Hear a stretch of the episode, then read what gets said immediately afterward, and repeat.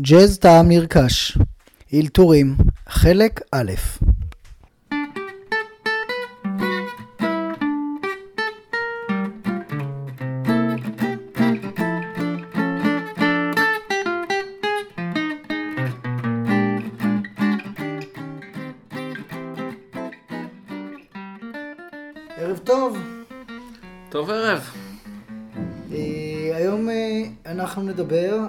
אחד מהנושאים האחרונים הכלליים, אני חושב, אה, והיום אנחנו נלך לנושא גם אה, אחד מהאחרונים, וזה נקרא הסולואים והאלתורים. אז אה, אנשים חושבים שסולואים זה הנושא הכי חשוב, וכל אחד מנסה לתת את הסולו הכי טוב. נגנים לומדים איך, לומדים סולואים ולומדים לאלתר כתמיד, אבל כמו שאמרנו, בעבר זה לאו דווקא הדבר הכי חשוב, אבל עדיין יש פה איזשהו אה, אלמנט של התבטאות אה, של הנגן. בסוף אה, כלי הנגינה הוא כלי להוציא את המוזיקליות החוצה, אה, והסולו הוא בעצם הבמה, אור הזרקורים מופנה אל, אה, אל הסולן, וזה הזמן שלו להתבטא אה, מוזיקלית, אה, אבל הוא לא יכול סתם אה, לה... להוציא את מה שיש לו בראש, או שהוא מוציא את מה שיש לו בראש, אבל הראש שלו מסודר באיזשהו אופן. אז uh, כשאנחנו שומעים סולו לפעמים, uh, בעיקר לאוזן הלא מיומנת, uh, זה נשמע לנו כמו קשקוש וגרבוש וגבבות של צלילים, אבל אנחנו, יש שם, יש שם דברים ופאטרן, uh, דפוסים מסוימים. אז נתחיל מהשאלה הבסיסית, ממה מורכב סולו? אה, זה קצת תלוי גם בתקופה שמדברים עליה, כי לפחות בעבר הרחוק של המוזיקה הזאת, הסולו היה, כאילו אלתור היה קרוב למנגינה של השיר.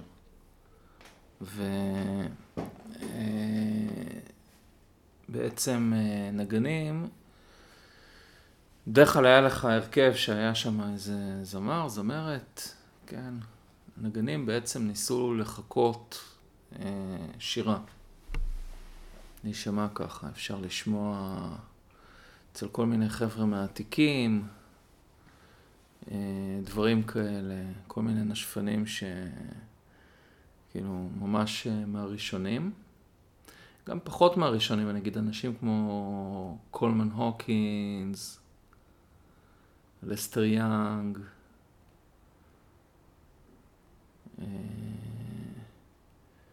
נגיד בן ובסטר, זה אנשים שיש להם ממש אפקט ווקאלי לנגינה שלהם. ובאמת המחשבה הייתה באמת ליצור, ליצור איזושהי מלודיה במקום. זה בהתחלה.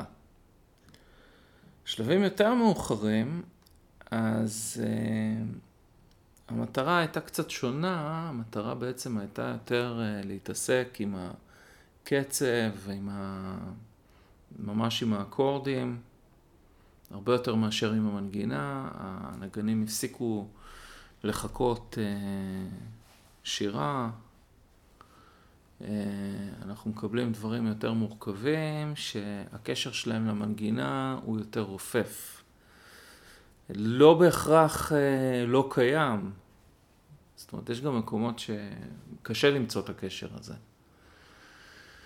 אה, שלבים יותר מאוחרים, אה, יש לנו ממש מצב שהרבה פעמים אנחנו לא יכולים אה, לראות איזשהו קשר עם המנגינה של השיר, עם, עם התוצאה הסופית. זאת אומרת, יש לנו שם כל מיני דברים מאוד מורכבים, מאוד דחוסים, הרבה מאוד אינפורמציה, הרבה דברים כאלה שאנחנו לא בהכרח שומעים מאיפה זה אה, מתקשר למנגינה של השיר בעצם. אז מה כן יש שם? מה, מה כן דוחסים שם? עוד פעם, קצב, קודם כל דברים שקשורים לקצב, כל מיני תבניות שחוזרות על עצמן. שחלקן אה, בתוך ההרמוניה, חלקן בחוץ,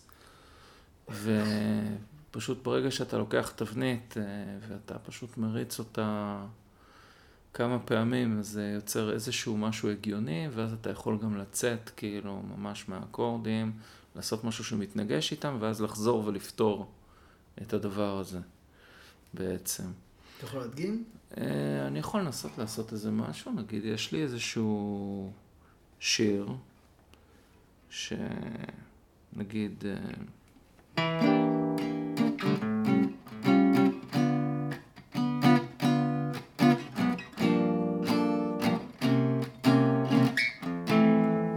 מהלך כזה, כן?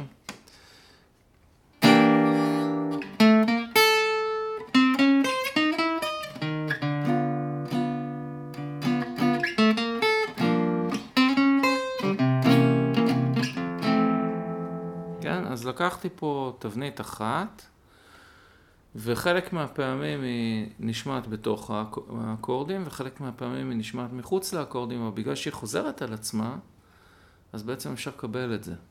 מה זה התבנית הזאת? יכול להיות כמעט כל דבר, פשוט אה, אני צריך להחליט על משהו. זאת אומרת, אני יכול לבוא ו... ולהגיד ש... אני לא יודע אם אני באמת צריך להיכנס פה ממש למושגים, אבל... אה, כי זה לא בהכרח בשביל אנשים שמנגנים, אבל אני יכול לעשות משהו שאני שומע שיש בו איזשהו, איזשהו מתח, יש פה אה, איזושהי קפיצה גדולה בפנים. עכשיו, קפיצה גדולה זה משהו שתופס את התשומת לב. עכשיו, אה, ברגע שאני עושה משהו כזה, אני לא חייב קפיצה גדולה, אני יכול לעשות גם...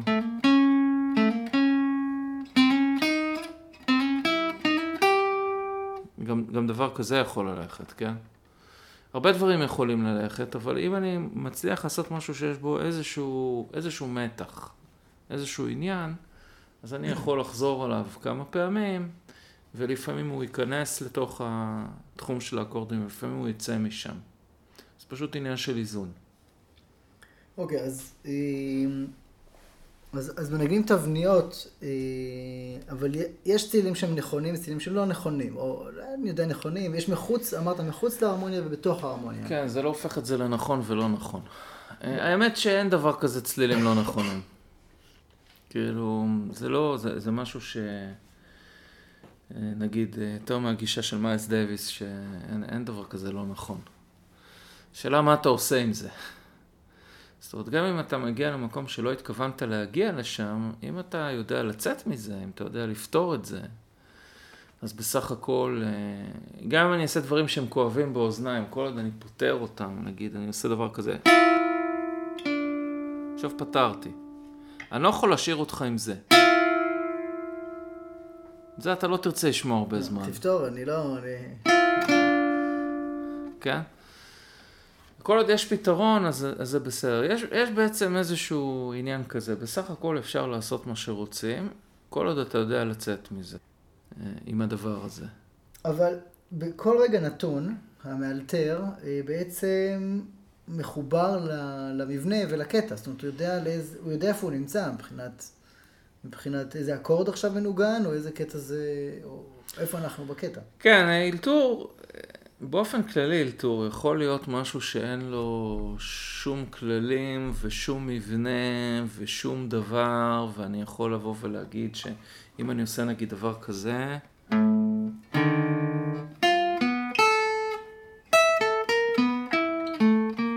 כן, הנה בבקשה, יש מוזיקה. עכשיו, אה, מה שניגנתי פה הוא כמובן אקראי לחלוטין, ו... ולא קשור לשום דבר, ו... וזה אז גם נשמע כמו משהו שלא קשור לשום דבר. והשאלה הגדולה אם הדבר הזה בכלל מעניין. ובסופו של דבר, המסגרת, כאילו, השיר בעצם הוא הרבה יותר חשוב מכל האלתור הזה. זאת אומרת, יש לנו שירים, כל המוזיקה הזאת בדרך כלל ג'אז זה דבר שמורכב משירים. והשירים עצמם הם הרבה יותר חשובים מכל האלתור.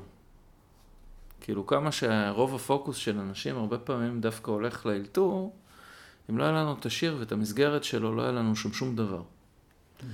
אז כן, יש לנו מבנה, יש למבנה הזה אה, אקורדים מסוימים שהולכים עליו, ואם האקורדים שלי הם למשל משהו כזה,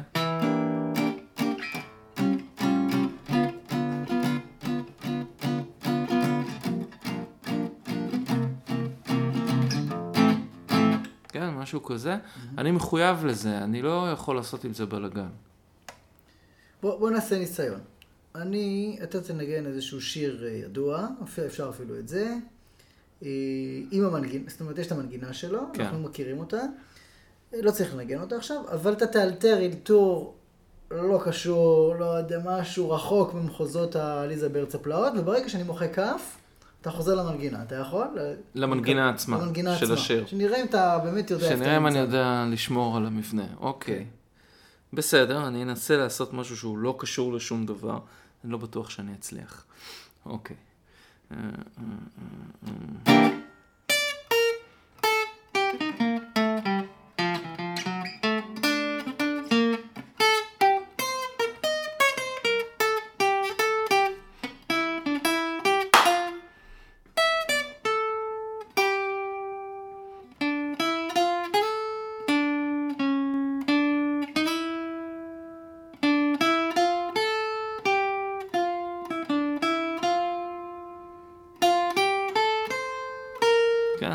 חשבתי שתמחא עוד פעם כף ואני אחזור לאלתר.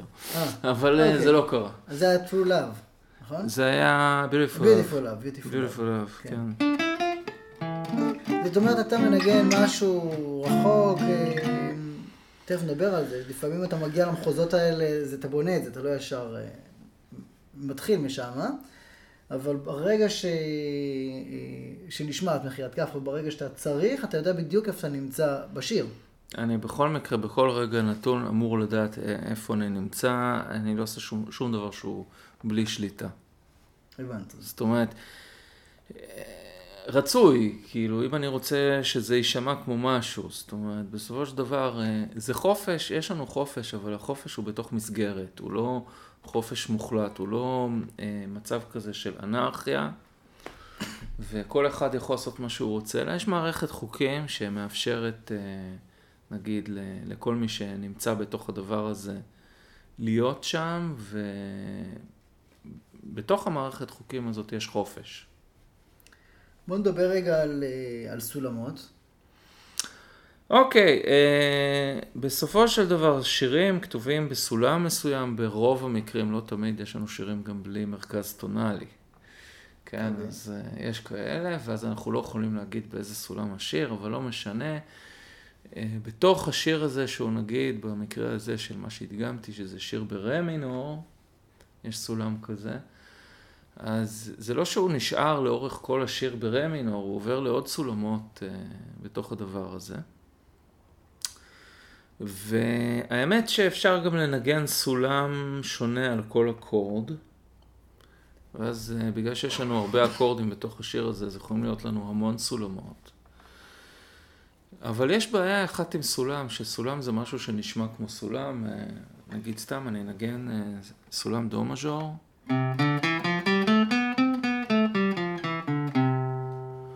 עכשיו, אם אני אנגן אה, משהו על סולם, זה יישמע כאילו אני עולה ויורד בתוך סולם, מה לעשות, כן? זה לא יהיה מאוד מעניין.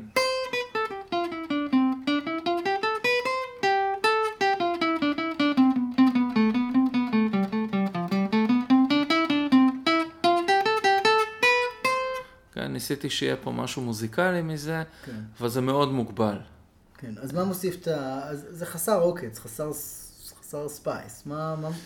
מה, ש... מה שמוסיף לנו את הדברים זה בעיקר ההתייחסות לאקורדים. זאת אומרת, במילים אחרות, אם אני מלווה, נגיד,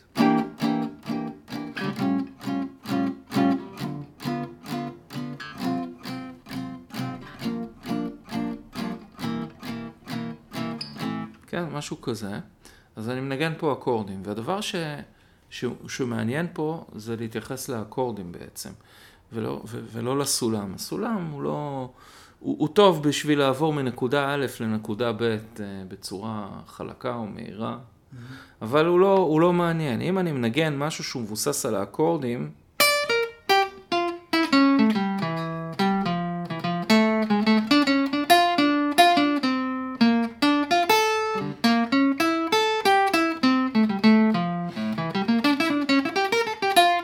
אז יש לנו מוזיקה בעצם.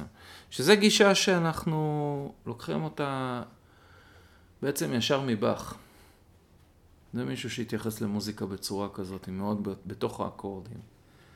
אז באמת רציתי לשאול איך זה, האם זה נכון רק לג'אז או שזה נכון גם לרוק, או הסולואים הגדולים של הרוק הם גם, הם לא אה, אה, סולמות שעולים ויורדים, אלא הם גם, יש להם יותר התייחסות לאקורדים? כן, אה, מוזיקה בשביל שהיא תישמע, זה לא משנה איזה סגנון מוזיקלי אנחנו מדברים עליו פחות או יותר. אפשר גם לתת דוגמה יותר קיצונית, שזה בלוז. בלוז זה, זה מוזיקה שיש בה צבע מאוד מסוים. והצבע בא מסולם שנקרא סולם בלוז, וסולם בלוז זה משהו שיכול להישמע נגיד ככה או ככה, כן?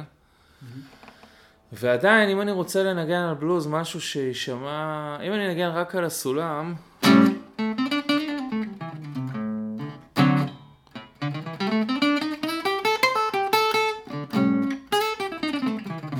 זה, זה קצת חוזר על עצמו, זה לא כל כך מעניין. Mm-hmm. אבל אם אני גם מכניס לשם את העניין של האקורדים,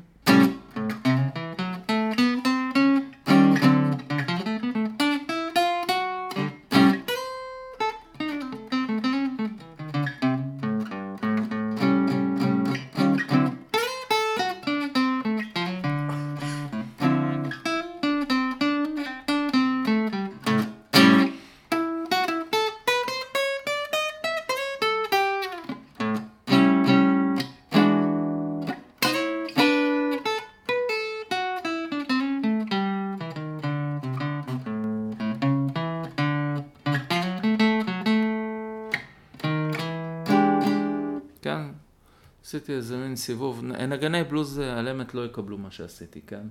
בסדר, זה ברור. זה... נסלח, זה פודקאסט על, על ג'אז. כן, על כן. ג'אז. אבל אה, דווקא פה אני רוצה לדבר על משהו.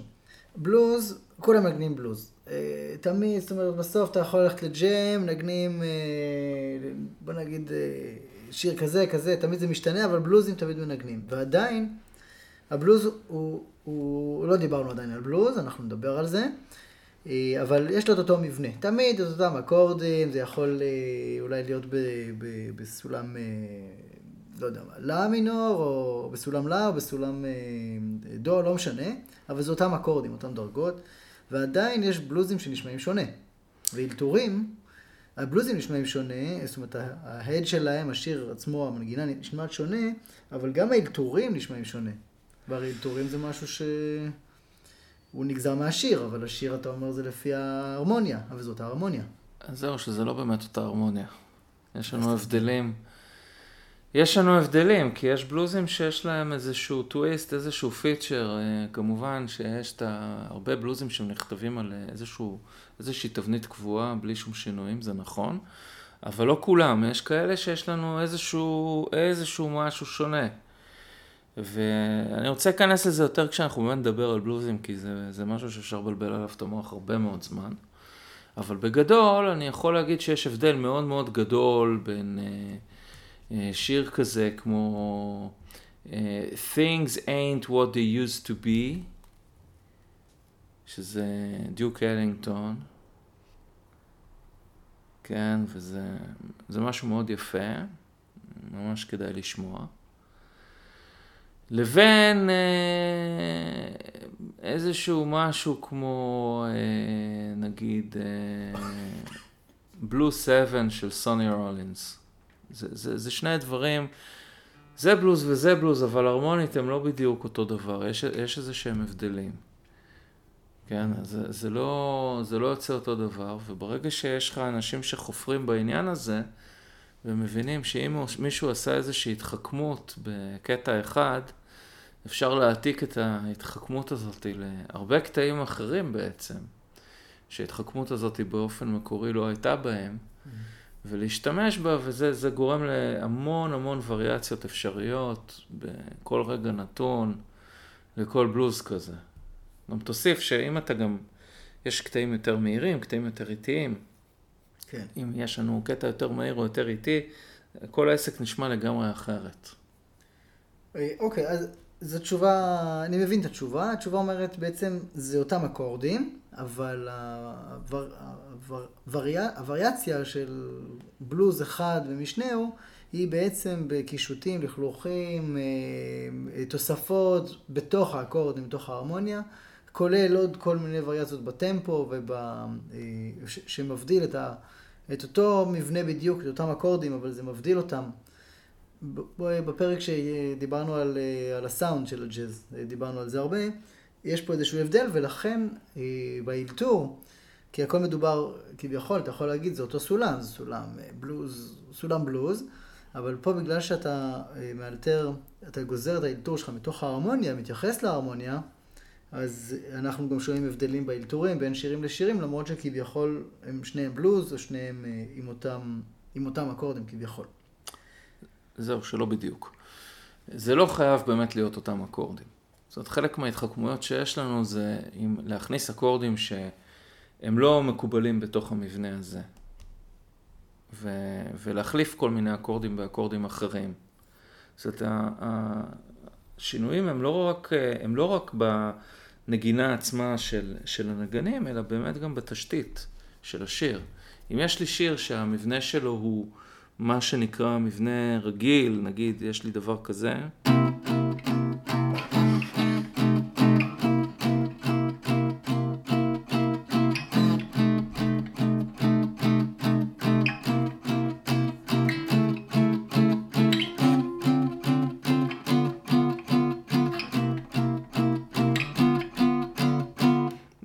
בערך הכי ברצפה שאני יכול לעשות את זה.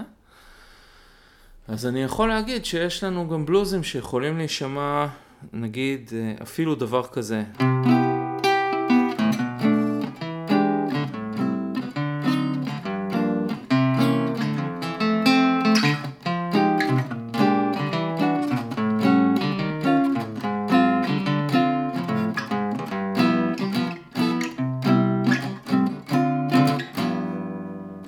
משהו אחר לגמרי. אוקיי, okay, אז ברור לגמרי למה אה, אלתור יישמע אחרת, אם הוא נגזר באמת מההרמוניה, למה כל העניין בעצם הוא באלתור, זאת אומרת, הוא בהרמוניה. למה כל ה... חלק גדול מהעניין הוא כן. בהרמוניה, אבל חלק גם בקצב כמובן, זאת אומרת, יש לנו גם עניין של קצב. כן. זהו, עד כאן חלק אה, א', אה, ניפגש בפרק הבא, בחלק ב'.